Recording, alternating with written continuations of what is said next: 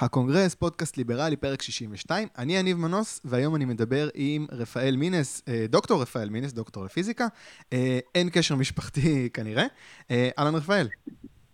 כן, שלום, מה שלומך יניב? בסדר גמור, אז uh, רפאל הוא דוקטור לפיזיקה ומרצה באוניברסיטת אריאל, אבל פניתי אליו דווקא בעקבות כתבה באתר מידע, אני אשים קישור לכתבה כמובן, uh, על עסק קטן של תבלינים שהיה לו בארצות הברית, שהיה לך בארצות הברית, וניסית להביא אותו לארץ. Uh, קודם כל, אני סקרן בקשר למוצר עצמו, מה זה אומר עסק של תבלינים? טוב, לספר לך קצת על הסיפור, איך הגעתי לזה? כן, כן, למה לא? אה, הייתי בארצות הברית בפוסט דוקטורט בין השנים 2008 ל-2012, יחד עם משפחתי.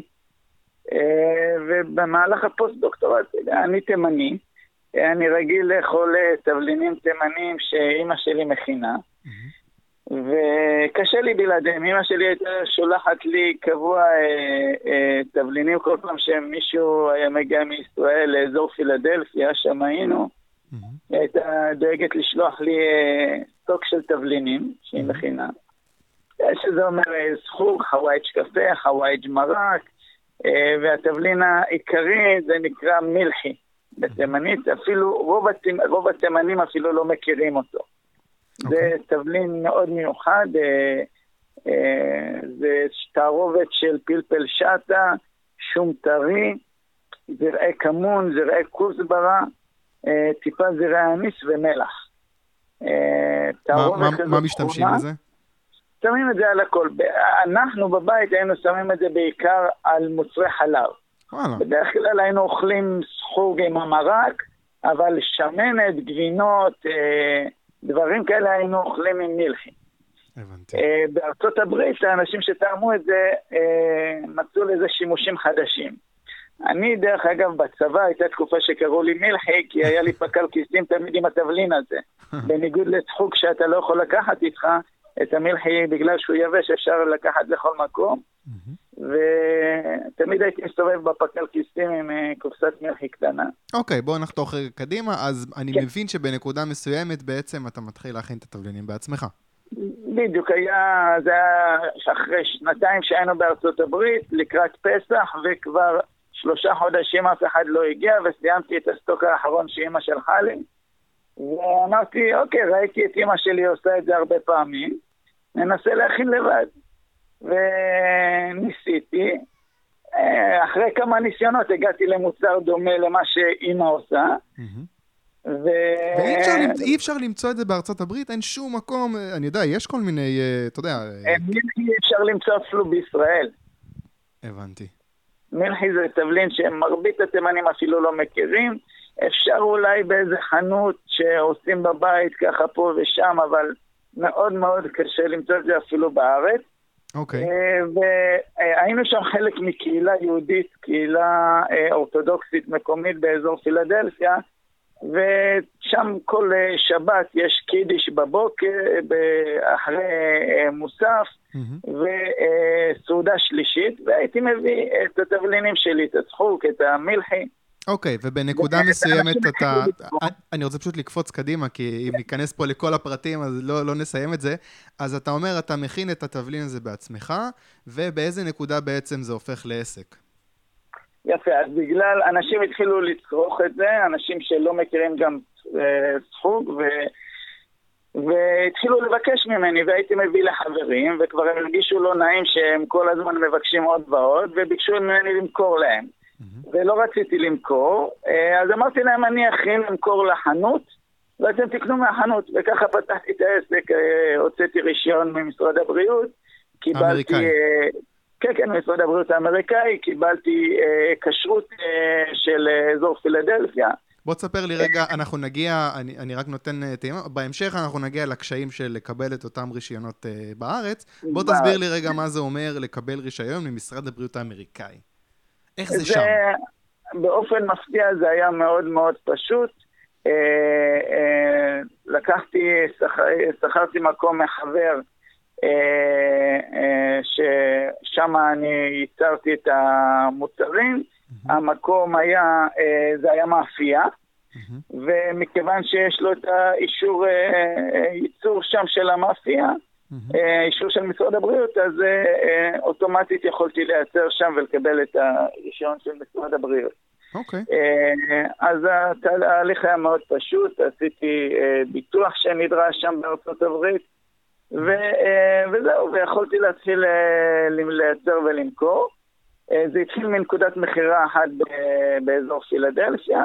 והביקוש גדל, ומהר מאוד, אה, תוך בערך חצי שנה, אה, התחלתי לשווק את התבלינים לשבע נקודות מכירה באזור פילדלפיה.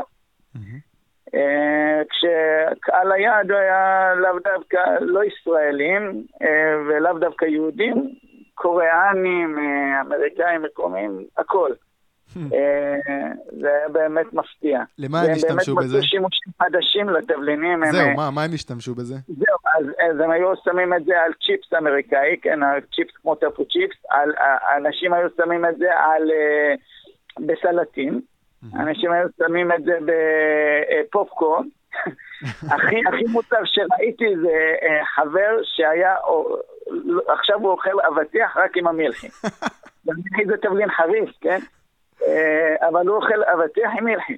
אתה עושה לי חשק לנסות את זה בעצמי, באמת. כן, כן, ובנוסף למלחי גם הייתי מוכר תבלינים אה, אחרים, היה לי סך הכל חמישה מוצרים, אה, חווייג' קפה, חווייג' מרק, את המלחי ושני סוגים של סחוג, סחוג ירוק וסחוג אדום. אוקיי, okay, עכשיו בנקודה מסוימת, אני רוצה לקצר ולחתוך קדימה קצת, בנקודה מסוימת בעצם אתה נגמר הרשות בארצות הברית ואתה חוזר לארץ, נכון?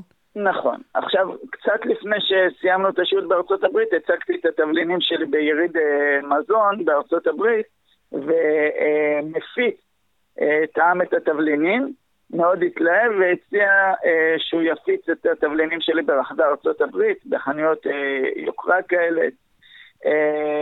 ומאוד שמחתי, אבל ידעתי שאני צריך בשביל זה לשדרג את פס הייצור כדי לייצר כמויות יותר גדולות, ומכיוון שכבר חזר, חשבנו לחזור לארץ, mm-hmm. אז אמרתי לו שברגע שאני אחזור לארץ, אני אפתח שם פס ייצור, אשלח לו את המוצרים והוא יפיץ אותם ברחבי ארצות הברית. ככה שמבחינת... כן, בדיוק, זה, זה היה נשמע אה, פשוט וקל. ואז חזרנו לארץ, ומהר מאוד הבנתי שזה לא פשוט כמו שחשבתי. אה, אז החלטתי ללמוד את הנושא. אה, נרשמתי לקורס יזמות עסקית של מתי בתור אה, אה, תושב חוזר, גם הייתי זכאי להטבות בקורס, אז עשיתי את הקורס, למדתי את הנושא, למדתי איך מתמודדים עם הבירוקרטיה הישראלית. כן, זהו, זה מצחיק, הקורס, זהו, הקורס הזה הוא כאילו, זה קורס שהוא לכאורה נועד uh, לאנשים שרוצים לפתוח עסק, אבל בפועל זה בעצם uh, נועד ללמד איך לעקוף את הבירוקרטיה, שהקורס עצמו הוא חלק מהמנגנון הזה. בדיוק. משרד הכלכלה הוא חלק מהמנגנון הבירוקרטי שמקשה על פתיחת עסקים, והוא גם זה שנותן לך, מציע את הקורס כדי ללמד אותך איך להתמודד עם הקשיים שהוא בעצמו מערים עליך. אוקיי, אז בוא נדבר רגע, בוא נדבר רגע על הקשיים. קודם, קודם כל, קודם כל, אתה, אתה באותה מתכונת כמו בארצות הברית, זאת אומרת, באת למאפייה ואמרת בוא, בוא נתחבר למה שאתם עושים כדי שאני אוכל... בארץ זה קצת יותר מסובך, כי בארץ ברגע שיש לך, אה, אה, אתה מקבל את הרישיון עסק, אה, בעיקר אם זה אה, מפעל לייצור מזון, אפילו אריזה של סוכריות זה נחשב אה, מפעל מזון, אז כדי לקבל רישיון עסק אתה צריך רישיון ממשרד הבריאות. ורישיון ממשרד הבריאות הוא מאוד מאוד ספציפי למוצר שאתה מייצר ולכמויות שאתה מייצר, כך שאם יש למפעל אה, רישיון לייצר אה, אה, מוצר רטוב לדוגמה, או, או תבלין יבש, אני לא יכול להכניס אליו את המלחי, כי יש שם אה, אה, שום טרי. ואז צריך, זה כבר רגולציה אחרת, צריך אה, אה, רישיון, בעצם אתה צריך לקבל רישיון מחדש. אה, והכמות של הרגולציה והתנאים, הדרישות שמעמיד בפניך משרד הבריאות, זהו, בוא תפרוט לי... בוא, שלך. בוא תפרוט לי את זה רגע, כי אני חושב, אני מנסה להיות עכשיו פרקליט השטן, אני בא ואומר, אוקיי, רגע, אני לא יודע מה יש בארצות הברית, אבל אנשים בארץ שבאים לקנות מוצרים בסופר, אה, משרד הבריאות, התפקיד שלו זה לוודא שהם לא קונים פה עכשיו רעל בתוך אריזות, כן? אני לא נכנס בכלל לעניין הזה של כאילו עסק אין לו אינטרס להרעיל את הלקוחות שלו, אבל כאילו, אוקיי, אני מניח את זה רגע בצד ואומר, אוקיי, יכול להיות שעסק מתרשל בעבודה שלו, ומשרד הבריאות בא לשמור עלינו שהמקום שמייצרים בו את הדברים, אתה יודע, סביבה נקייה, לא יודע, כל מה שצריך. כן. מה, מה הבעיה עם הטיעון הזה? עם, עם רגולציה מהסוג הזה עוד הייתי מוכן להתמודד, למרות שיש לי פתרון טוב יותר מאשר רגולציה של המדינה עבור זה, mm-hmm. אבל אה, רוב הדרישות לא קשורות בכלל אה, לבריאות או להיגיינה. תן לי דוגמה. משרד הבריאות אומר לך איזה צבע צריך להיות צבע הקירות. איזה צבע? הוא אומר לך, באמת, באמת, ממש תקרא את הפרמטרים לבית עסק, זה, הוא אומר לך מאיזה סוג צריכות להיות הרצפות, אומר לך מה צריכה להיות עוצמת ההערה בכל, אה, בכל אזור במפעל, כן, באזור ייצור זה צריך להיות מינימום 5, 300 לקס, במחסן, במחסן זה צריך להיות מינימום 100 לקס. כן.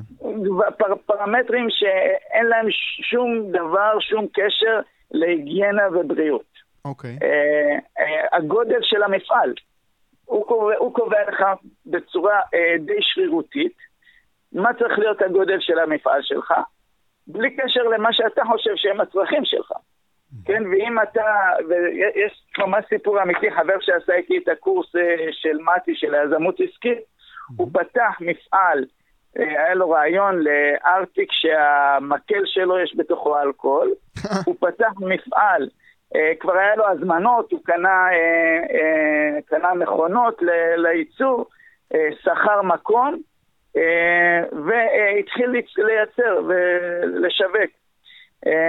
שיווק את זה בעיקר לפאבים וכאלה, והיו לו הזמנות, ואז הגיע המפקח של משרד הבריאות, ואמר שלמפעל מהסוג הזה, בכמות הזו שהוא מייצר, צריך מינימום 106 מטר רבוע. והמפעל של החבר שלי היה 95 מטרים רבועים. וואו. והוא נאלץ, והוא נאלץ לסגור. כאילו. הוא, הוא ניסה לסחור מקום אחר, כמובן שהוא שילם שנה מראש כבר על המקום שהוא שכר, והוא נכנס, נכנס לבעיה של תזרים מזומנים ונאלץ אה, לפשוט רגל, הוא סגר את העסק. וואו. אה, וזה רק בגלל, בגלל 11 אה, מטר רבוע שהוא לא הרגיש בהם צורך, כן? הוא לא היה צורך אותם, הוא עבד והיה לו נוח וטוב עם המפעל שהוא היה צריך. ואתה לא יכול לדעת את זה מראש, אתה לא יכול לפתוח את התקנות של משרד הבריאות ולדעת איזה גודל הוא הנכון עבור המפעל שלך. מה זאת אומרת? למה אתה לא יכול? איך, איך זה יכול להיות? כי זה לא כתוב שם. כי הם, כי הם קובעים את זה בהתאם למוצר שאתה מייצר ובהתאם לכמות שאתה מייצר, ובעצם זה אה, ספציפי לכל, אה, לכל מפעל ייצור. וואו. אני ראיתי אגב בכתבה שם, ראיתי איזשהו שרטוט של מה אתה תכננת לעומת מה משרד הבריאות דורש ממך. בוא תספר לי דברים באמת... אה, זהו, בארצות הברית אני הייתי עושה גם את התחינה של התבלינים, גם את הערבוב וגם את הייבוש, את הייבוש, כי המוצר הסופי הוא מוצר יבש, אבל במה, בתהליך יש אה, שום אה, טרי. כן.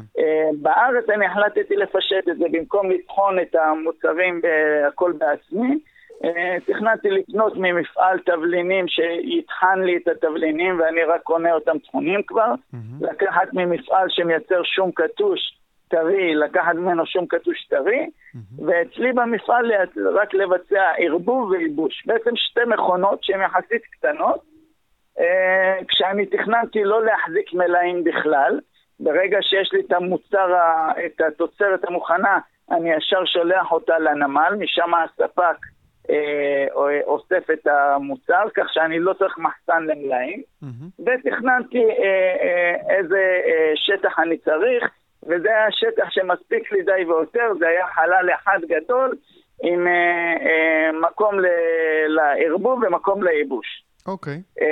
לפי התקנות של משרד הבריאות, הייתי חייב לחלק את המפעל שלי לאזורים. אזור של החזקת מלאי, מחסן בעצם, אה, למרות שאני לא הייתי צריך אותו. אה, אזור אה, מסדרון למוצרים שחייב להיות נפרד משטח הייצור.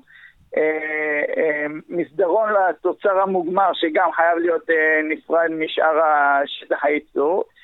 לעשות שירותים, ובדרך כלל גם הם דורשים שירותים גם לגברים וגם לנשים, ולא אכפת להם אם העובדים הם רק אתה ואשתך, או, או אם רק גברים עובדים במפעל. כן. ולא, ולא אכפת להם שחמישה מטרים מהדלת של המפעל יש שירותים שמשמשים את הבניין שבו המפעל נמצא. כן, זהו, אני, אני רוצה לשבור רגע, לנצל את מה שאמרת עכשיו ולשבור רגע לת, למשהו נוסף. העסק הזה שאתה מתאר, זה לא כאילו העיסוק העיקרי שלך, נכון? זה, זה לא, עסק לא, לא. צדדי. בדיוק, בארצות הברית אני הצלחתי להפעיל את זה במקביל לפוסט-דוקטורט, למחקר הפוסט-דוקטורט שעשיתי. Mm-hmm. בארץ אני תכננתי לעשות את זה במקביל להיותי מרצה באקדמיה. אני עובד במרצה באוניברסיטת אריאל, אז הייתי גם באוניברסיטת בר אילן, mm-hmm. ותכננתי לעשות את זה במקביל, גם כי אני נהנה מזה, וגם כי זה תוספת נחמדה להכנסה יכולה להיות. זהו, אה, ואני רוצה, אני, יש לי הרגשה ש, שכל התקנות האלה והרגולציות האלה, זה לא רק שזה מונע מעסקים קטנים לקום, זה מונע מעסקים קטנים במתכונת כזאת, לאנשים שרוצים לעשות את זה ככה מהצד, ובעצם זה לא קיים, כי למה לשבור את הראש עכשיו? אני מדייק? תראה, אני יכולתי אה, להקים את העסק בסופו של דבר, אבל בשביל זה אני הבנתי שאני חייב לעזוב את העבודה באקדמיה. Mm-hmm. לא יכולתי לעשות את הדברים במקביל, הייתי חייב להקדיש את כל כולי לפתיחת העסק, וזה משהו שלא הייתי מוכן אליו באותו שלב. ובאותו שלב העדפתי, לא רציתי לעזוב את העבודה שלי באקדמיה. אה, גם ממנה אני מאוד נהנה, וגם אה, היא עונה לצרכיי. Mm-hmm. אז אה, זה היה לבחור, אילצו אותי בעצם לבחור בין העבודה באקדמיה לבין פתיחת העסק. ובחרתי בעבודה באקדמיה ונטשתי את הרעיון של פתיחת העסק. רק שאני אבין משהו, היו לך תוכניות לשווק את זה גם בארץ, את המוצרים? בסופו של דבר, אני אפילו יצרתי קשר עם מספר, עם uh, משווק יצרן תבלינים מאוד גדול בארץ, היה, היה בינינו חוזה, uh, והוא היה, היה אמור לעשות uh, עבורי את ה...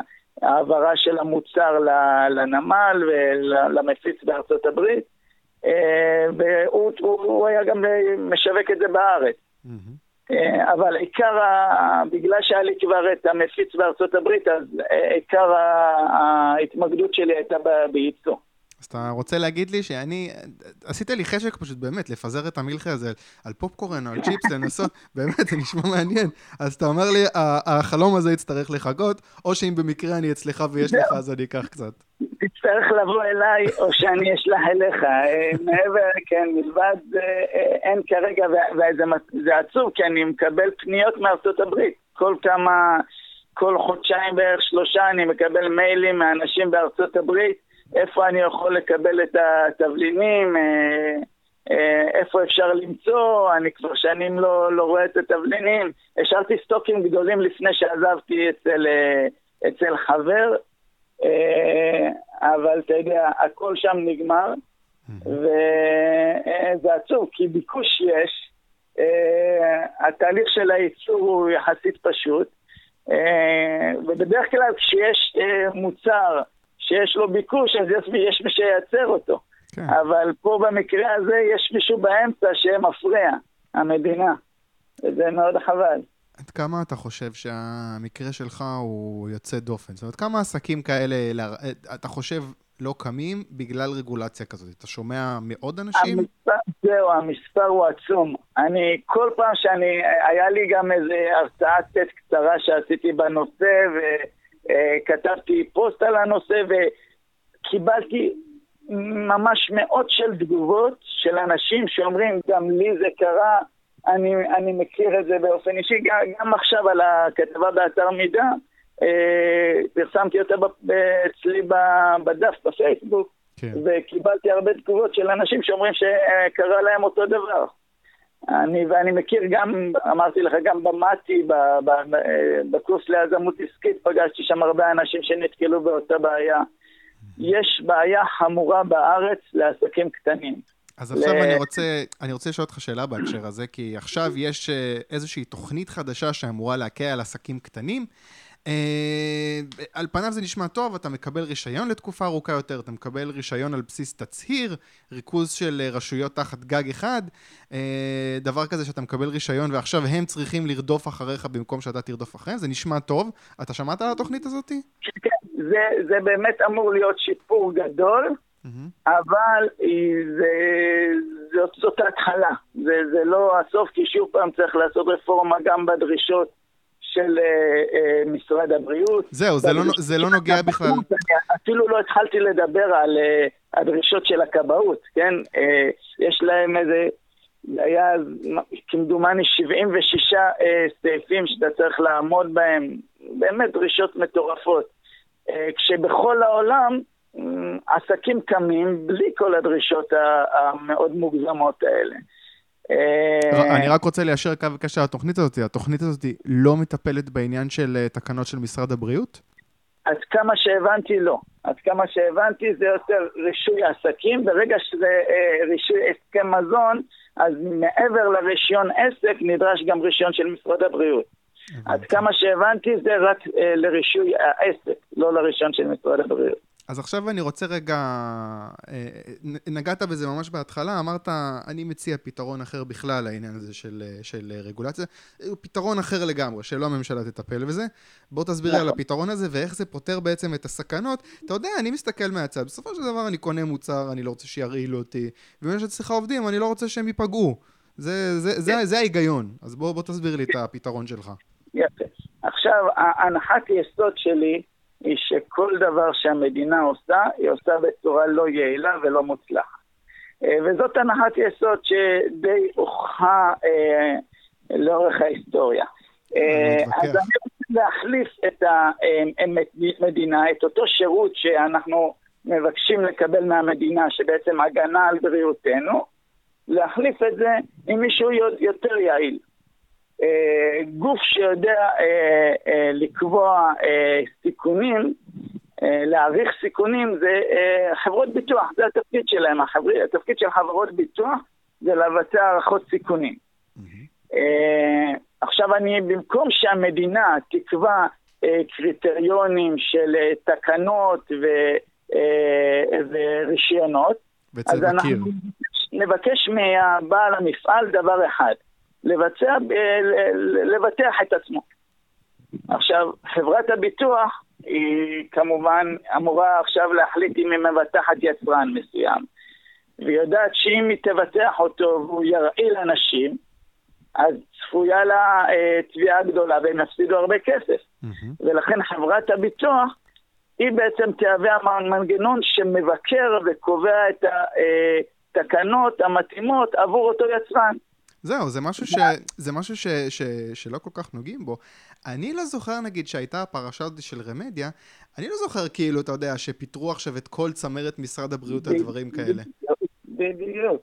מה ששוכחים, שבממשלה לא יושבים נביאים, או מועצת גדולי התורה, או אה, בני אלוהים. מי שיושב שם זה פקידים. פקידים, חלקם טובים, חלקם רעים, אבל אין, מה שחסר להם זה התמריץ לעשות את הדבר הנכון. אם הם טועים, בדרך כלל זה לא נוגע להם. הם לא, זה לא יוצא מכספם, והם לא משלמים על זה בתפקידם. אה, לעומת זאת, בשוק הפרטי, כשמישהו טועה, בדרך כלל מיידית הוא מקבל על זה פידבק. כן, או, או שישלם על זה בתפקידו, יפטרו אותו, או שזה יעלה לו הרבה כסף. אה, ולכן כדאי להעביר את זה למי שיש לו תמריץ לוודא באמת שבריאות הציבור תישמר. ולחברות הביטוח. בנוסף, חברות הביטוח זה לא מונופול, זה לא חברה בודדת כמו הממשלה. הממשלה, משרד הבריאות הוא מונופול בתחום. הוא יכול לקבוע לבד ואין לו אף מתחרים, ולכן הוא לא צריך לתת שירות טוב לאזרח.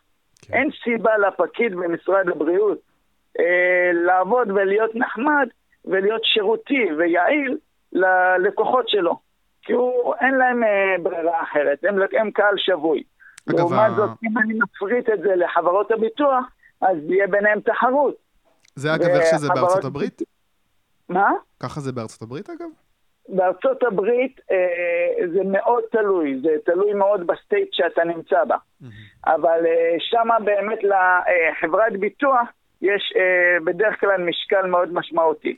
אבל uh, לצערי ארצות הברית היא, היא לא דוגמה בימינו לשוק חופשי. מדד החופש הכלכלי שם הוא, הוא לא, לא גבוה כמו שהיה בעבר. אז יש לך דוגמה יש קונקרטית? דוגמאות, אה, יש דוגמאות uh, הרבה יותר טובות. יש את ניו זילנד, יש את דנמרק, שווייץ, אלה מדינות שהחופש הכלכלי בהן הרבה יותר גבוה. זה, אז אתה אומר, מהמודל... את זה צריך לקחת מהמודל הסקנדינבי. כן, כן, כן. כן.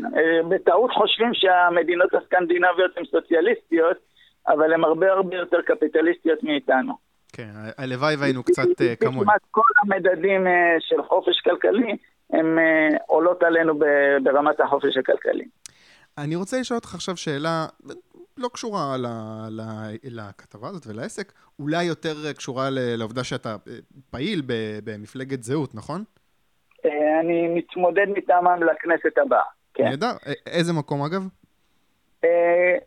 בדיוק לפני יומיים השקנו את המערכת של הפריימריז הפתוחים. זה משהו חדש בארץ. היה לנו, הבחירה של המועמדים לכנסת נעשית בשני שלבים. אז השלב הראשון כבר היה פריימריז בקרב המתפקדים, שם אני קיבלתי את המקום השלישי. יפה. השלב הבא, שהוא יעשה בערך 60 יום לפני הבחירות הכלליות, זה פריימריז פתוחים, שזה דבר חדש בארץ, שכל, אתה לא צריך להיות חבר מפלגה כדי לדרג את המועמדים של מפלגת זהות. אז בין אם אתה חבר ב- בליכוד, במרץ, ברשימה המשותפת, או בכלל לא חבר באף מפלגה, יש לך זכות אה, לדרג את המועמדים שנבחרו, את 15 המועמדים שנבחרו ראשונים בפריימריז הפתוחים, אתה יכול לדרג אותם אה, לקראת הבחירות הכלליות. Okay. אוקיי. אז כך שהמקום שלי ברשימה עדיין לא, לא ידוע, זה ייקבע סופית רק אחרי הפריימריז הפתוחים. אוקיי, okay, אז בהצלחה בפריימריז מתי שזה לא יהיה. אני רוצה לשאול אותך אבל שאלה אה, כללית קצת. אה, החודש האחרון, כל מה ש... שבועיים אחרונים, כל מה שהיה אחרי חוק הפונדקאות והמאבק של הלהט"בים, זה עשה אותי קצת פסימי, כי אני מקבל רושם ש... שכיוון שישראל הולכת אליו זה הקצנה והעמקת קרע בין מחנה של ימין לאומני דתי חרדי, ומולו מחנה של שמאל אה, חילוני. אה, הבעיה היא שכל אחד, אין לי בעיה עם מחנות, אבל הבעיה היא שכל אחד מהם שואף לכס השליטה, ניהול של החיים של הצד השני. ואני לא רואה שקם מישהו ואומר, חבר'ה, די עם הכפייה הזאת, כל אחד יבחר את החיים שלו לעצמו, אף אחד לא מנהל את החיים אחד של השני. אתה שייך למפלגת זהות שאני יודע שהם מייצגים את התפיסה הזאת של אה, חיה ותן לחיות אה, פחות או יותר. אני פסימי קצת, אתה... אתה... אתה רואה את זה כאילו תופס? כי, כי אנשים עדיין אני... חיים בתפיסה הזאת של לנהל לצד השני את החיים. כן, אני מאוד מאוד מאוד אופטימי. כי אני אומר לך, אני, אני. ליברל, אני ליברל קלאסי מנעוריי, כן? התחלתי בתור אובייקטיביסט בערך בגיל 15, ומהר מאוד עברתי להיות ליברל קלאסי יותר ג'ון לוק, ומאז אני אה, ליברל קלאסי. וכשהייתי נער, אה, או אפילו יותר בוגר, כן, אה, בשנות ה-20 לחיי, אה, זה היה דעות שלא נשמעו כמעט בציבור. זה היה, היית ממש פריק אם היית ליברל. כן.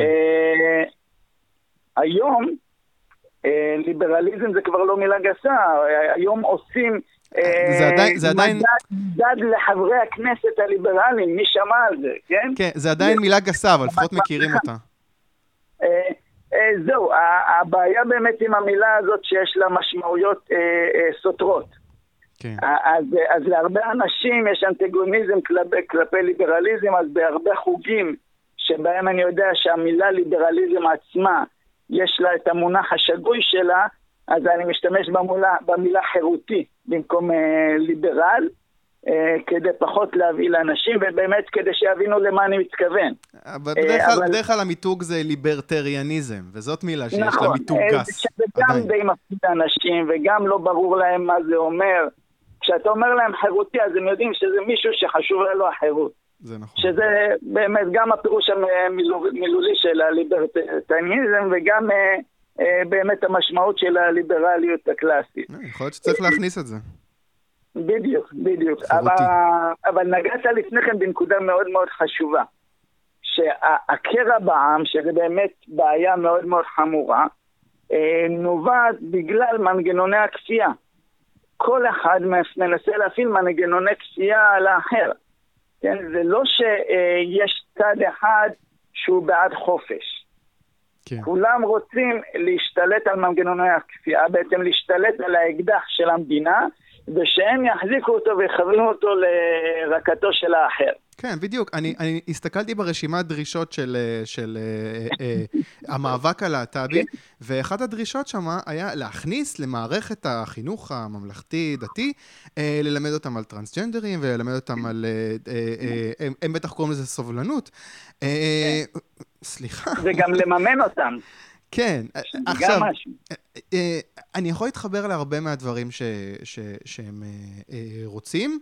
בגדול, כאילו, יש, מצביעים פה, זהו, הטרגדיה בכל העניין הזה שהם מצביעים על בעיות שהן אמיתיות. אבל כן. כאילו הפתרונות זה תמיד באמת לתפוס את האקדח ולכוון אותו לצד השני. כן, כן. תראה, הבעיות הן אה, אמיתיות עבורם, אני, אני באמת מאמין להם שזה מפריע להם. Uh, הבעיה שבמקום להצביע על מקור הבעיה, שבעצם הבעיה היא פה בכפייה של המדינה, בכך שלדוגמה בעניין הנישואין, אה, אה, הבעיה היא שהמדינה מבצעת רישום נישואין. כן. מה למדינה ולרישום נישואין? כן, כן. לא, לא, בהחלט. במשך אני... אלפי שנים אה, זוגות התחתנו בלי לרשום את הנישואין. הנישואין היו קיימים לפני המדינה, והם המשיכו להיות קיימים גם בלי מדינה. ולכן אין שום סיבה שהמדינה, ואני אומר את זה בתור אדם דתי, כן? כי מבחינתי, אם המדינה עוסקת ברישום נישואין, זה יכול לפגוע לי בדת, והיא טוענת ש, ש, שכרגע הסמכות הזו נתונה לגוף אה, דתי. Mm-hmm. בסוף, מי שיקבע מהם הפרמטרים הדתיים לקביעת נישואין יהיה פקיד ולא רב. אה, בוא, תן לי, בוא, מה... בוא תן לי את ההימור שלך. עשר, עשר שנים, עשר שנים, עשרים שנה מעכשיו. איך זה ייגמר במרכאות הסיפור הזה? זה ייגמר במה? ב... אני, כמו שאמרתי לך, אני אופטימי. אז uh, יש לי, דווקא יש לנו, אני צופה uh, עתיד מאוד ורוד. Uh, אני צופה שבמערכת הבחירות הבאות, בבחירות הקרובות, זהות תיכנס עם בסביבות 15 מנדטים לכנסת, ובשורת זהות, אנחנו נהיה מרכיב מאוד חשוב בקואליציה, ובשורת זהות תתפשט ברחבי הארץ, בשורת החירות. אה, ובבחירות שלאחר מכן אנחנו נהיה המפלגה העיקרית שתרכיב את הקואליציה. אנחנו אה, נהיה מפלגת שלטון, ואם יצא לך לראות את המצע שלנו, המצע שלנו פשוט מצמצם את המדינה למינימום ההכרחי. אנחנו רוצים את ישראל השלמה, אבל מדינה מצומצמת, כלומר שהמדינה לא תתערב בחיי אזרחיה, במקום שיהיו כמעט 30 משרדי ממשלה, אנחנו, אה, יהיה אצלנו סך הכל 11 משרדי ממשלה, אנחנו נצמצם אה, חוקים, חקיקה מיותרת, וסך הכל החופש של כולנו יגדל, וברגע שלא תהיה כפייה מצד המדינה, אז באמת לא תהיה סיבה לקרע בין המגזרים השונים. טוב, זה... זה כל זה... אחד יוכל לקבוע לעצמו מה הוא רוצה, ויהיה לו את החופש המלא לחיות כפי שהוא בוחר, בלי יכולת לכפות על האחר. טוב, זה נימה סופר אופטימית, אני, אה, אה, אני אסיים.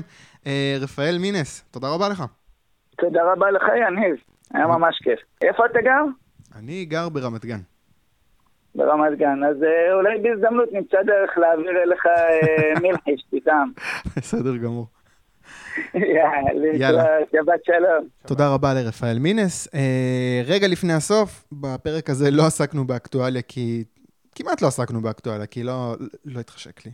אבל כן רציתי להעיר משהו, וזה שבדרך לעבודה אני נתקלתי בכותרת בעיתון בידיעות. אה, זה עסק בהתחממות בגזרת אה, הדרום, והיה כתוב שם, הפסקת האש קרסה. זה היה ביום חמישי בבוקר. אה, אחרי שיום לפני זה היה ניסיון לצלוף בחייל במעבר גבול. אני רוצה לקשר את הכותרת הזו למשהו שטל צפני אמר בריאיון בשבוע שעבר, וזה שאתה חייב לשרשר את מה שאתה אומר למציאות. זאת אומרת, אם אתה אומר שהפסקת האש קרסה, ההנחה היא שהייתה הפסקת אש.